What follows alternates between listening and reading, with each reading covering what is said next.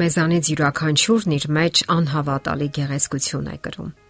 Եթե սովորենք խոր նայել իրերին ու երևույթներին, ամենուր կտեսնենք գեղեցկություն։ Կտեսնենք այն, ինչը ոչ թե անմիջապես աչքի է զարնում, այլ այն, ինչը թաքնված է աչքից։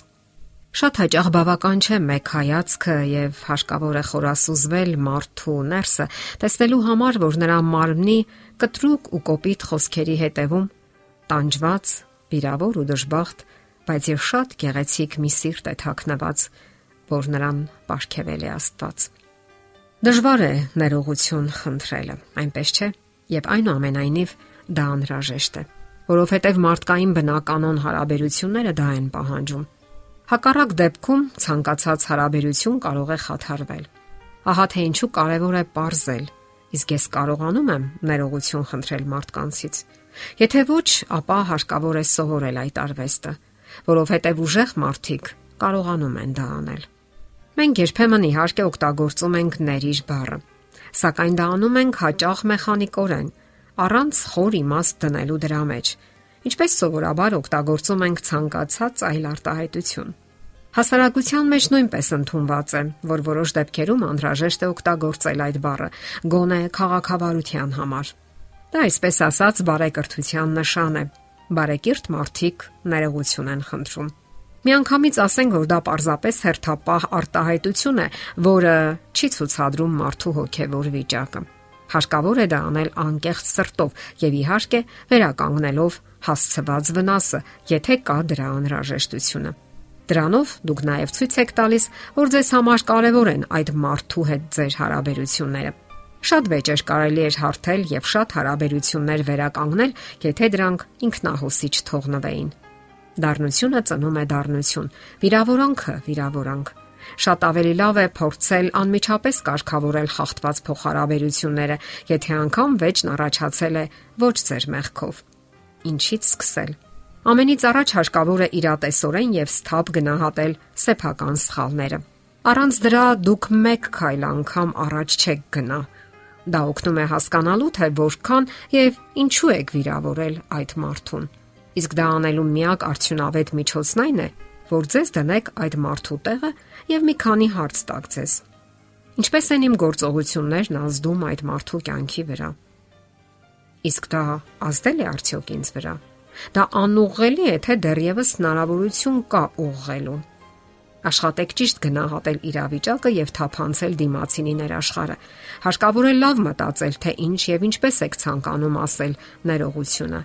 Ձեր խոսքերը պետք է ցույց տան, որ դուք իսկապես գիտակցում եք ձեր մեղավորությունը։ Չեք ցանկանում փչացնել ձեզ համար կարևոր փոխհարաբերությունները եւ ցավում եք կատարվածի համար։ Իհարկե, դուք պետք է աշխատեք նաեւ չկրկնել այդ սխալները։ Հասկանալի է նաև, որ մարդն իր բնույթով մեղավոր է եւ հնարավոր է սխալները կրկնվեն։ Սակայն Աստծո օգնությամբ դուք կարող եք ուժ ստանալ չկրկնելու դրանք։ Պողոս Արաքյալը այսպես է գրում. Ամեն բան կարող եմ ինձ զորացնող Քրիստոսով։ Իսկ ընդհանրապես նման իրավիճակներից խուսափելու լավագույն ճանապարհը Աստծո ճանապարհն է։ Հետևենք Հիսուս Քրիստոսի հետևյալ խորհրդին։ Մի դատապարտեք եւ չեք դատապարտվի։ Տվեք եւ կտրվի ձեզ։ Սա լավագույն խորհուրդն է, որ երբևէ տրվել է մարդուն։ Հարկավոր է մտածել այն մասին, որ մեր գործողությունները տեղին լինեն։ Չի կարելի այսպիսի հարցեր տալ։ Ինչպես կարող եմ ուղղել ամեն ինչ։ Ինչ անեմ, որ մեղքս ջնջեմ։ Այնպես արեք, որ դիմացինը հասկանա, որ առաջվա նման կարող է վստահել ձեզ։ Մյուս կարևոր քայլը պետք է աշխատեք չկրկնել ձեր սխալները։ Վերլուծեք այն պատճառներն ու իրավիճակները, որոնք մղում են թույլ տալու նման սխալներ կամ արտահայտություններ։ Մտածեք, թե ինչպես կարելի է խուսափել դրանցից նաև հետագայում։ Այսպիսի արտահայտություն կա։ Եթե մարդը երկու անգամ կրկնում է նույն սխալը, արդեն դա ոչ թե սխալ է, այլ ընտրություն։